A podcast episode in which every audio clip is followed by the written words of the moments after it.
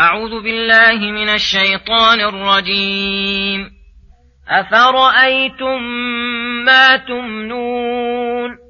أأنتم تخلقونه أم نحن الخالقون؟ نحن قدرنا بينكم الموت وما نحن بمسبوقين.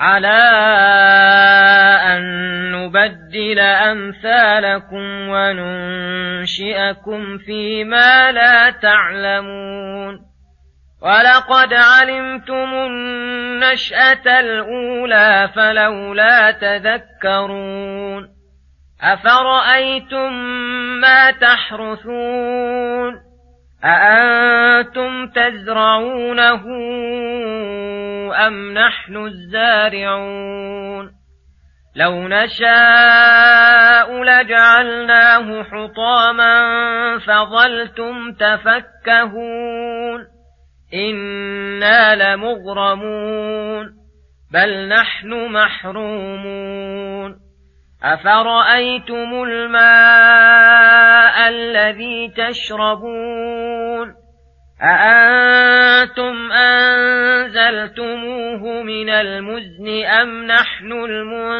المنزلون لو نشاء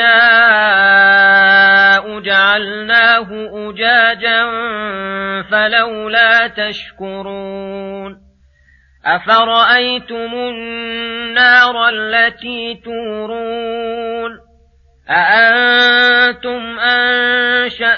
شجرتها أم نحن المنشئون؟ نحن جعلناها تذكرة ومتاعا للمقوين. فسبح باسم ربك العظيم. بسم الله الرحمن الرحيم. السلام عليكم ورحمة الله وبركاته. يقول الله سبحانه أفرأيتم ما تمنون أأنتم تخلقونه أم نحن الخالقون؟ أي فرأيتم ابتداء خلقكم من المني الذي تمنون فأن فهل أنتم خالقون ذلك المني وما ينشأ منه؟ أم الله تعالى الخالق الذي خلق فيكم الشهوة في الذكر والأنثى؟ وهدى كل منهما لما هنالك وحبب بين الزوجين وجعل بينهما من المودة والرحمة ما هو سبب التناسل؟ ولهذا أحالهم الله تعالى باستدلال بالنشأة الأولى على النشأة الأخرى فقال ولقد علمتم النشأة الأولى فلولا تذكرون أن القادر على ابتداء خلقكم قادر على إعادتكم. ثم يقول سبحانه أفرأيتم ما تحرثون الآيات؟ وهذا امتنان منه على عباده يدعوهم به إلى توحيده وعبادته والإنابة إليه حيث أنعم عليهم بما يسره لهم من الحرث للزروع والثمار. فتخرج من ذلك من الأقوات والأرزاق والفواكه ما هو من ضروراتهم وحاجاتهم ومصالحهم التي لا يقدرون أن يحصوها فضلا عن شكرها وأداء حقها. فقررهم بمنته فقال أأنتم تزرعونه أم نحن الزارعون؟ أي أنتم أخرجتموه نباتا من أرض أم أنتم الذين نميتموه أم أنتم الذين, الذين أخرجتم سنبله وثمرة حتى صار حبا حصيدا وثمرا نضيجا؟ أم الله الذي انفرد بذلك وحده وأنعم به عليكم؟ وأنتم غاية, غاية ما تفعلون أن تحرثوا الأرض وتشقوها وتلقوا فيها البذر ثم لا علم عندكم بما يكون بعد ذلك ولا قدرة لكم على أكثر من ذلك ومع ذلك فنبههم على أن ذلك الحرث معرض للأخطار لولا حفظ الله وإبقاؤه بلغة لكم ومتاعا إلى حين. لو نشاء لجعلناه أي الزرع المحروث وما فيه من الثمار حطاما أي فتاتا متحطما لا نفع فيه ولا رزق.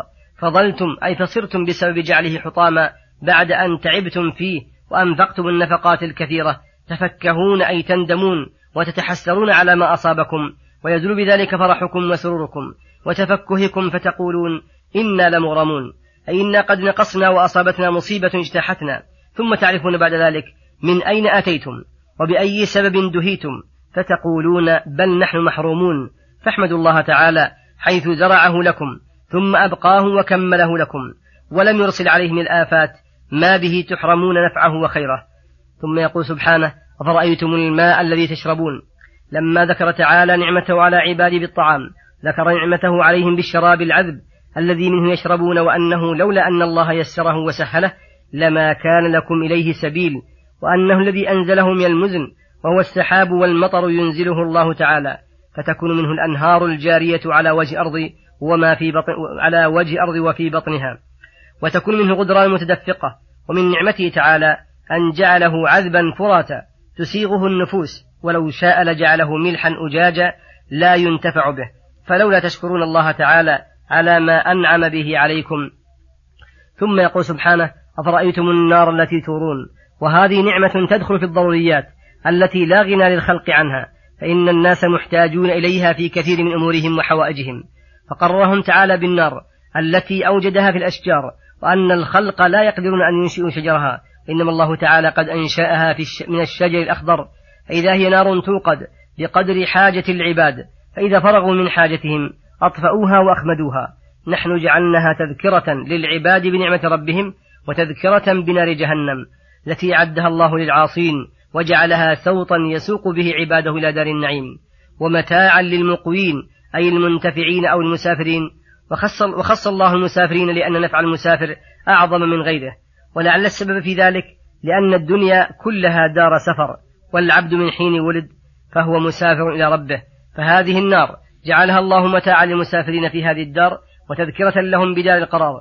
فلما بين من نعمه ما يوجب الثناء عليه من عباده وشكره وعبادته أمر بتسبيحه وتعظيمه فقال فسبح باسم ربك العظيم أي نزه ربك العظيم كامل الأسماء والصفات كثير الإحسان والخيرات واحمده بقلبك ولسانك وجوارحك لأنه أهل لذلك وهو المستحق لأن يشكر فلا يكفر ويذكر فلا ينسى ويطاع فلا يعصى.